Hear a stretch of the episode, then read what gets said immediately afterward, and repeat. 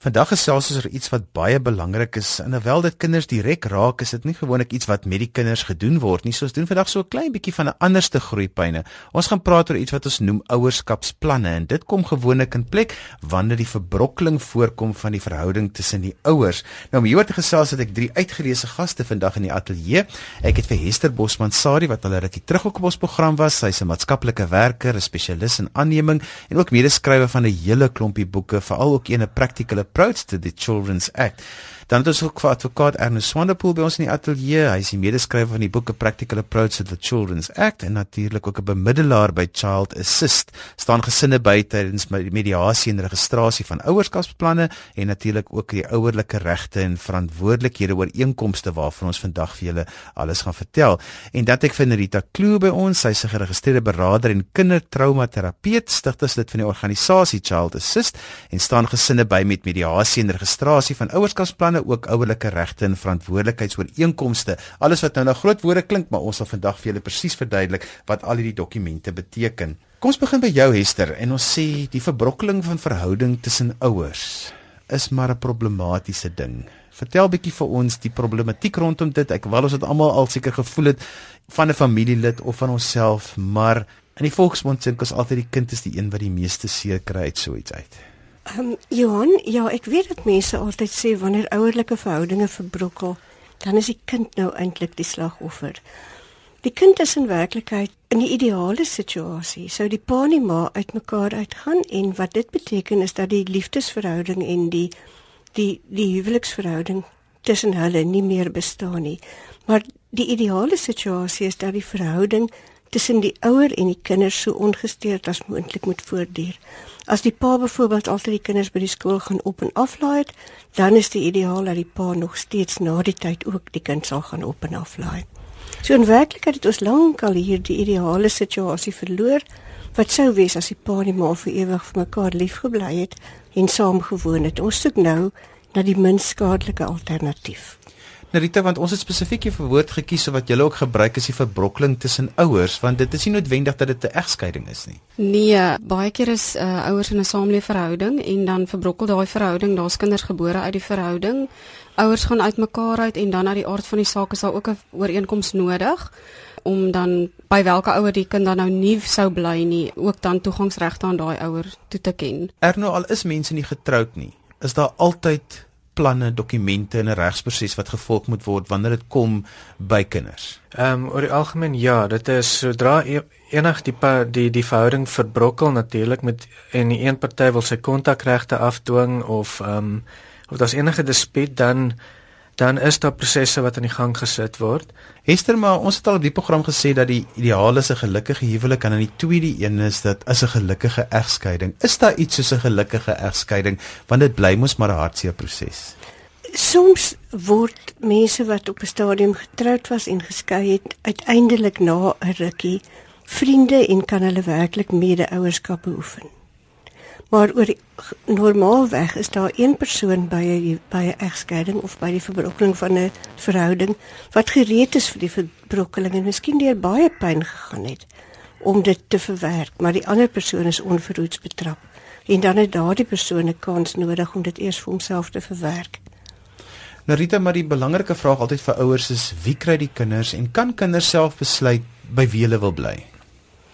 Uh weet jy die die kinderwet ehm um, maak voorsiening daarvoor dat kinders wel hulle opinie word in ag geneem.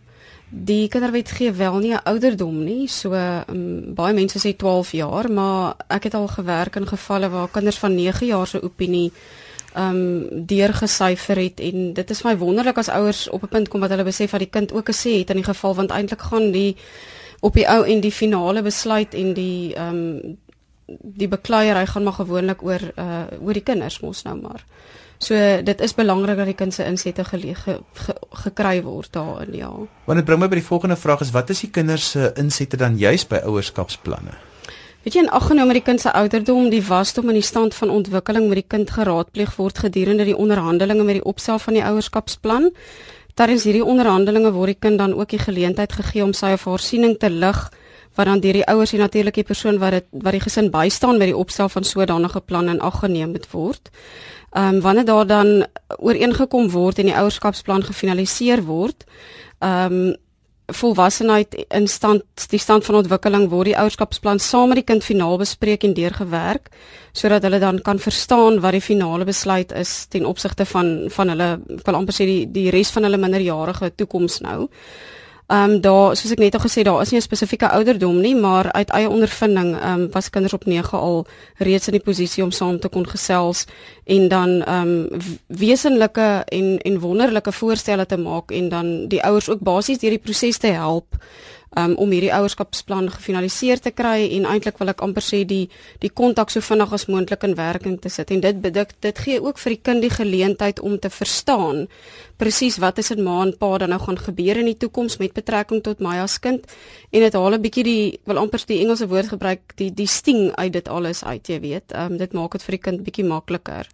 Nou ons gaan nou nou praat oor al die dokumente wat saam met die verbrokkeling gaan maar Hester ek wil nog een vraag vir jou vra nou as jy met baie mense praat dan is die persepsie nog steeds aan buitekant die ma kry die kinders en die pa moet betaal Ja, dit is 'n baie ou tydse siening, maar daar is ongelukkig baie mense wat dit nog handhaaf.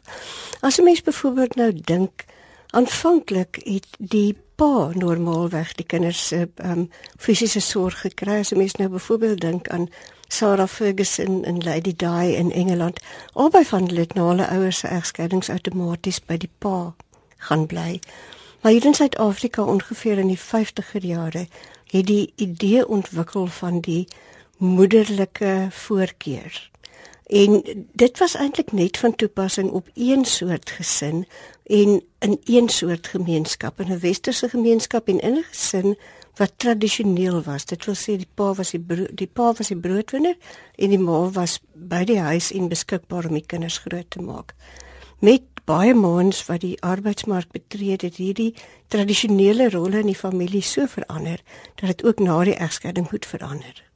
Erno, kom ons praat nou oor die planne. Ons het nou genoem al die woord ouerskapsplanne. Ek dink vir mense wat in 'n egskeiding is, hulle weet, hulle is dalk nou besig daarmee, maar baie mense is al baie jare terug geskei en hulle het nie hulle weet nie verstaan hierdie ding van ouerskapsplan nie. Watse dokumente is alles betrokke wanneer daar 'n verbrokkeling van verhouding is tussen ouers? Wel dit hang af, daar's baie gevalle waar daar 'n verbrokkeling is waar daar geen huwelik was nie.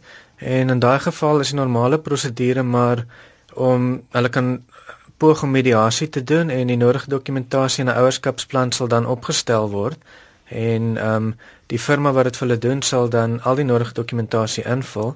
Alternatiefelik is daar gewoonlik 'n skikkingsakte indien die partye nou ehm um, getroud was op 'n stadium en hulle het geskei, dan is daar gewoonlik 'n skikkingsakte wat die bepalinge aangaande kontak en ehm um, van die kinders en en die toesig van die kinders sal bepaal en dan wat hulle kan doen is hulle kan Ehm um, weer eens is die opsie daar om te gaan vir mediasie en dan sal die ouerskapsplan wat opgestel word daar sal dan 'n vervanging wees van eh, sal dit sal 'n vervanging wees van die skikkingsakte in terme van die egskeiding. Of alternatiefelik kan hulle ook daar is, is ook 'n aansoekprosedure wat gevolg kan word as hulle as hulle mediasie nie werk nie vir een of ander rede dan kan hulle aansoek uh, vorm 2 invul by die hof en hulle kan aansoek doen dat 'n sekere ouerskapsplan um, geregistreer word of hulle kan selfs ook aansoek doen dat die skikkingsakte gewysig word um, wat um, en dat sekere nuwe bepalinge in plek plek daarvan kan kom.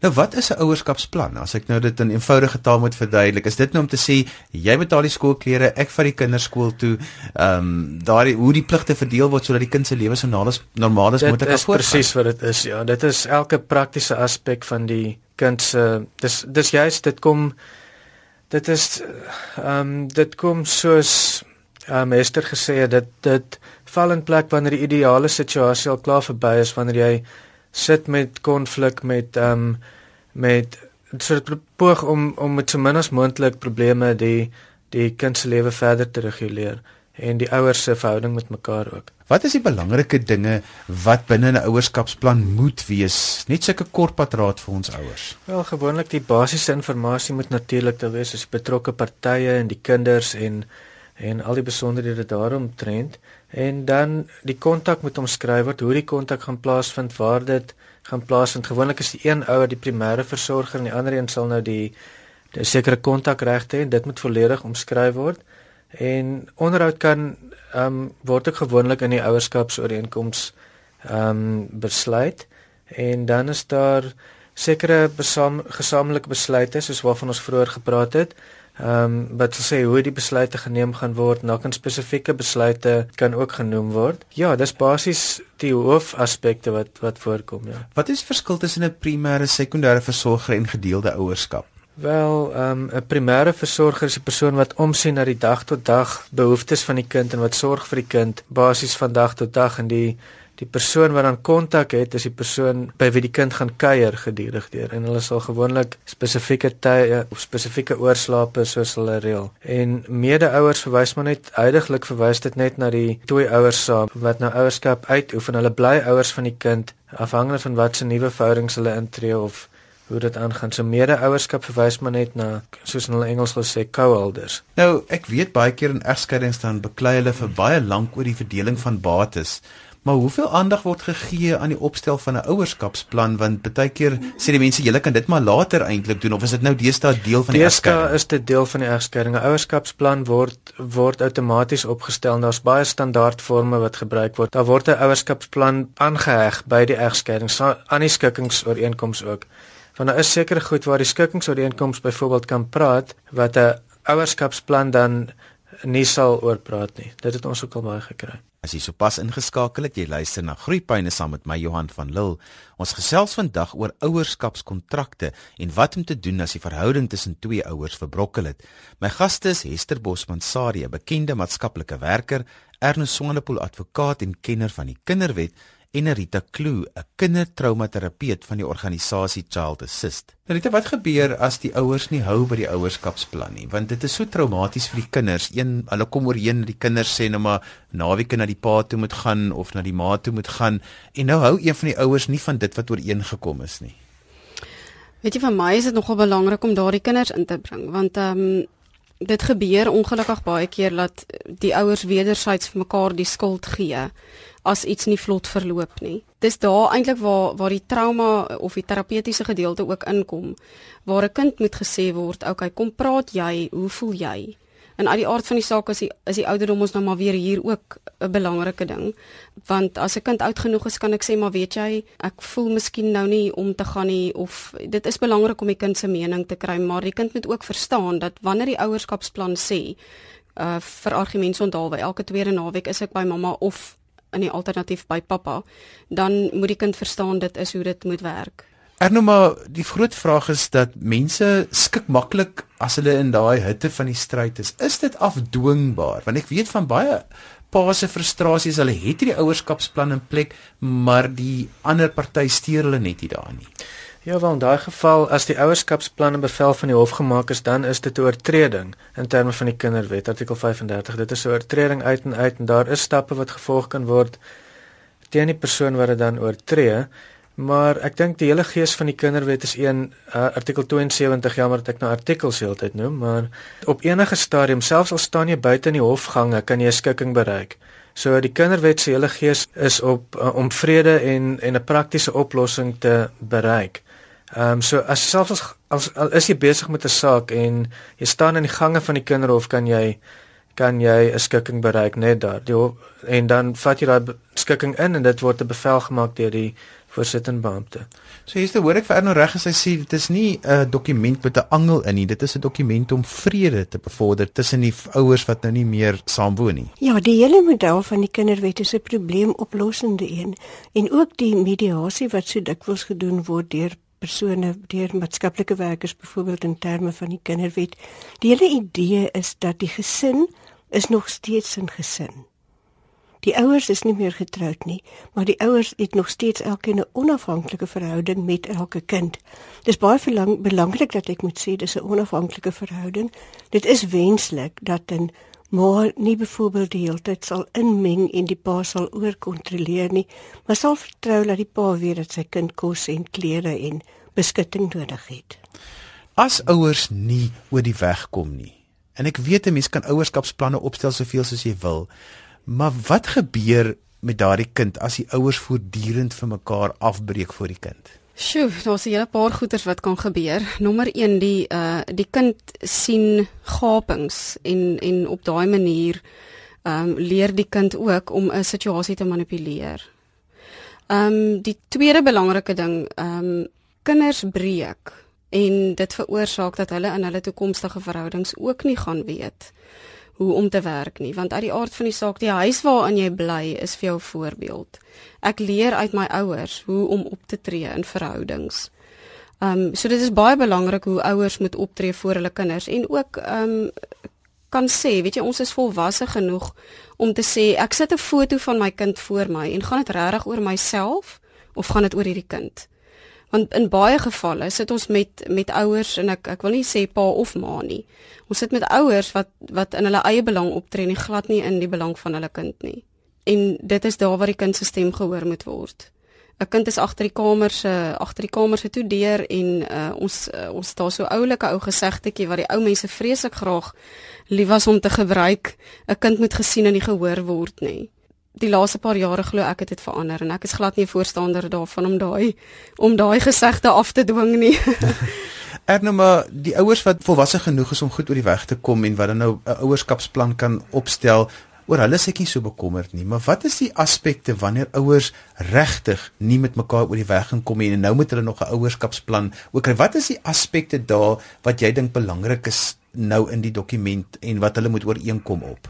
Wel, die kinderhof stel dit duidelik of althans die kinderwet stel dit duidelik dat ehm um, mediasie eers gepoog moet word en dan gaan jy hof toe. So hulle kan nie net by die hof instap en wat hulle eintlik sê wat die kinders die kort nie lank daarvan is die kinders wat sê gaan poog mediasie en kyk of jy tot 'n ooreenkoms kan kom en as jy hulle nie kan nie dan staan 'n sekere deklarasie wat uitgereik word dat mediasie ehm um, nie gewerk het nie en van daar af dan is dit 'n regter of 'n voorsittende beampte wat gaan moet besluit namens hulle en dit dit is maar die groot verskil. Kom ons maak dit prakties ek en my lewensmaat het besluit vandag is die dag en ek gaan nou gaan en ons wil in twee aparte huise bly.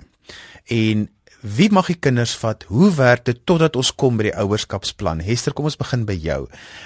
Wat gebeur eerste? Ek wil nou nie meer daar bly nie. Mag ek die kinders vat iewers heen gaan? Hoe werk dit? Ja, die ouers het uh, presies enige magte 'n uh, natuurlike pa, miskien kan Erno nou vir ons vertel wat die definisie is van wanneer 'n natuurlike pa um, ouerskapsregte het. Daar is net 'n paar uitsonderings. So normaalweg sou die pa en die ma totale gelyke regte hê en daar sou beslis niemand aangekla word as die een party sou besluit om die kinders saam te neem nie. En die baie dikwels kry ons aansoeke in die kinderhowe en in die Hooggeregshof van ehm um, een ouer wat miskien deur die nag sy goedjies gepak het en verdwyn het na sy eie ouers toe gewoonlik 2000 km verder. En dan sit die ander ouer nou en daar is 'n moontlikheid om die ouer wat dan nou weggeloop het met die kinders te dwing om terug te kom. En sowel in die kinderhof as in die hooggeregshof om terug te kom na die jurisdiksie van die hof sodat daar eers bepaal kan word wat is in die kinders se beste belang. Erno maar nou baie keer die ouer wat seer gekry het, pa of ma, wil baie keer nie die ander ouers sien nie en ook nie die ander ouer moet toegang tot die kinders hê nie. Wat is jou regte as die ouer wat nou nie toegang gegee word of nie die kinders mag sien nie? Wel, ehm um, soos ek weer eens gesê die die die eerste moontlikheid wat moet oorweeg word wat ek glo is en wat die wet ook sê is dat mediasie moet eers gepoog word en dan daarna kan jy kan hof toe gaan, jy kan 'n vorm 2 gaan invul by die kinderhof, jy kan jy, jy het ook 'n opsie om hooggeregshof toe te gaan om 'n om 'n um, aansoek in die Hooggeregshof ook te doen.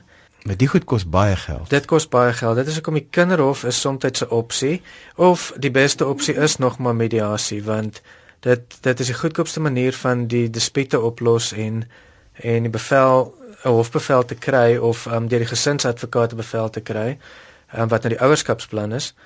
Ehm um, so dit is maar eintlik die beste opsie. Alternatiefelik is die kinderhof wat baie keer baie lank kan vat en dan natuurlik die Hooggeregshof wat daar is baie opsies wat 'n mens kan volg. Esther want ek kry baie um, e-posse van luisteraars af van sê hulle vir my maar die oorlosie tik en hy tik en hy tik en dan gaan maande mm. verby wat hulle net hoor van die ander ouer oor um, onderhoud maar hulle kan nie hulle kinders sien nie.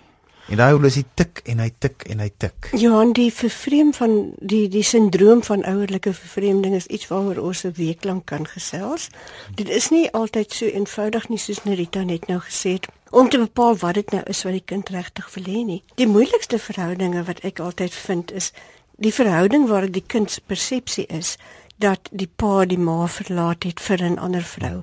Dis bitterlik moeilik vir daardie ander vrou om dan enigsins 'n normale verhouding met hierdie kinders te hê, want hulle voel hulle ma is die verontregte een en ek en jy wil nie regtig 'n kind hê wat nie sy eie ma wil beskerm as hy voel sy word nagekom nie.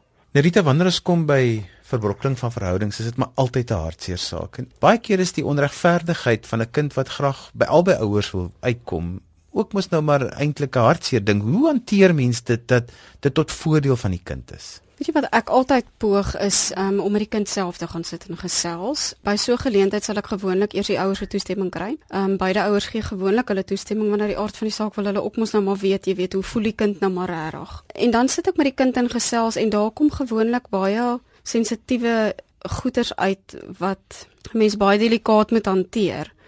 Maar dan poog ek maar altyd om te kyk um of 'n mens soveel as moontlik tyd vir die kind kan gee by beide ouers. En dan ook natuurlik om aan die ouers oor te oor te probeer dra dat dit gaan nie oor die kind is nie jou besitting nie. Die kind is 'n individu op sy eie. Hy wil op sy eie probeer funksioneer. Hy moet nou deur hierdie proses gaan soos wat jy deur die proses gaan. En hoe kan ons ons kind help om hierdie proses te gaan met so min as moontlik skade? Wanneer die ouers daai geheim besef, dan is die kind al 50% oor hierdie bultjie saam met hulle. Die groot geheim is as ouers as ouers dit daai as hulle daai geheim kan vat en hulle in hulle kan dit deurvoer. Maar daar's 'n hele spektrum van omstandighede en In sekere gesinne waar daar byvoorbeeld fisiese geweld was en die een of die ander ouer was in groot gevaar en was aangerand en hulle moes in die nag vlug, is daar ook omstandighede waaronder die probleem nie die verbrokkeling van die die probleem is eintlik die die swak huweliksverhouding en die swak lewenspatroon. Die probleem is nie die werklike skeiding nie. Dit kan selfs in sommige gevalle 'n verligting wees vir die kinders. Hester, ek het um, al baie navrae van ouers af gekry en dan sê die paas vir die oomblik as jy begin beklei oor toegang tot die kinders, dan is die regstelsel nie aan jou kant nie. Johan, ja, die gesinshowe, it's not a man's world. Dit dit is sodat daar ongelukkig nog vooroordeel op oor is en dat daar baie mense is onder andere sommige maans wat die man se hooffunksie sien as die van broodwinner. Terwyl in werklikheid vir die afgelope van 1995 af spesifiek in die Suid-Afrikaanse reg is dit erken dat paans ook 'n 'n verhoudings en 'n affektiewe rol het net so groot soos die van die ma en dat kinders eintlik van baie kleiner as wat 'n mens verwag goed doen indien hulle die liefde van albei hulle families kan kry en nie net van die een nie. Maar ek wil ook net sê dit is nie net die pa en die ma wat mekaar wil wurg oor kontak met die kind nie daar's ook ander familielede soos byvoorbeeld die oupas en die oumas. En daar is ook 'n meganisme onder die kinderwet, ehm um, waar volgens hulle kan kan kontak kry met hulle kleinkinders. Ek weet van 'n 'n tragiese familie waar 'n oom en 'n tannie se seun en sy en hulle een klein dogter dood is in 'n motorongeluk en die ma het eenvoudig verhoed na hulle seun begrawe is dat hulle ooit weer die twee ander kleinkinders gesien het. Dit was vir hulle 'n dubbele slag. Daar is 'n meganisme onder die kinderwet, maar Erno is nou beter daarmee as ek. Daar is 'n meganisme waar ook 'n ander persoon, nie 'n ouer nie, kan kontak met 'n kind kry deur 'n hofbevel. Erno, vertel 'n bietjie vir ons daarvan. Ehm, um, laat ek net gou 'n onderskeid verduidelik hier in die wet en dit is as ons praat van ouerskapsplanne, dan praat ons van mede-ouers. En dit beteken albei partye is tegnies volgens die wet mede-ouers. Terwyl daar is 'n ander ooreenkoms wat nie ouerskapsplan genoem word nie, maar wat hulle noem 'n ouerlike regte en verantwoordelikhede ooreenkoms. En daai ooreenkoms kan die ma dan aangaan met enige ander derde party wat nie noodwendig 'n ouer is nie. So oupas en oumas en almal wie mens daar wil insluit kan daar ingesluit word. En daai ooreenkoms baie van die prosedure is soortgelyk aan die die ouerskapsplan prosedure, maar dit dit is baie dieselfde in en hoe dit opgestel word. Dit is net wie die partye is en die in die ouerskapsplan het jy te doen met mede-ouers, met co-elders. Ja, ek sal nou nie weer nie die artikels noem nie, maar ehm um, co-elders in hierdie geval het mens te doen met enige ander persoon wat nie noodwendig 'n ouer is nie. Nerita verduidelik vir ons luisteraars wat is Child Assist en ook sommer hoe hulle met julle kan kontak maak. Ehm um, Johan Child Assist is 'n organisasie wat gestig is in 2009 waar ek basies begin werk het met getraumatiseerde kinders. Dit is 'n enige opset, enige tipe van trauma en dit het toe nou uit die aard van die saak baie familiewerk geword waar ouers uit egskeidings uit ehm um, na my toe gekom het en gesê het kan julle my help? Het sy ek wat die kinders sien of mediasie wat ek en Erno saam doen. So dit is maar basies waaroor Child Assist gaan. Die naam sê eintlik alles. Ons kyk hoe kan ons die kind help in die proses. So as ouers op hierdie stadium voel hulle kort hulp, dan kan hulle vir Child Assist kontak en julle sal dan vir hulle kan ondersteun. Dis korrek ja. Ons het 'n webwerf. Daar is 'n 'n 'n vorm wat hulle op die webwerf kan invul wat direk deurkom na ons e-posadres toe. In die die webwerf is www.childassist.co.za. Nou ja, dis alwaar vir ons tyd het vandag. As jy weer na die program beluister, kan jy by RSG se webwerf by rsg.co.za na die potgooi gaan luister. Ons gee ook programinligting en ons gaste se kontakbesonderhede op Groepyne se Facebook bladsy. Ons e-posadres is groepyne@rsg.co.za. Van my Johan van Lille, totsiens.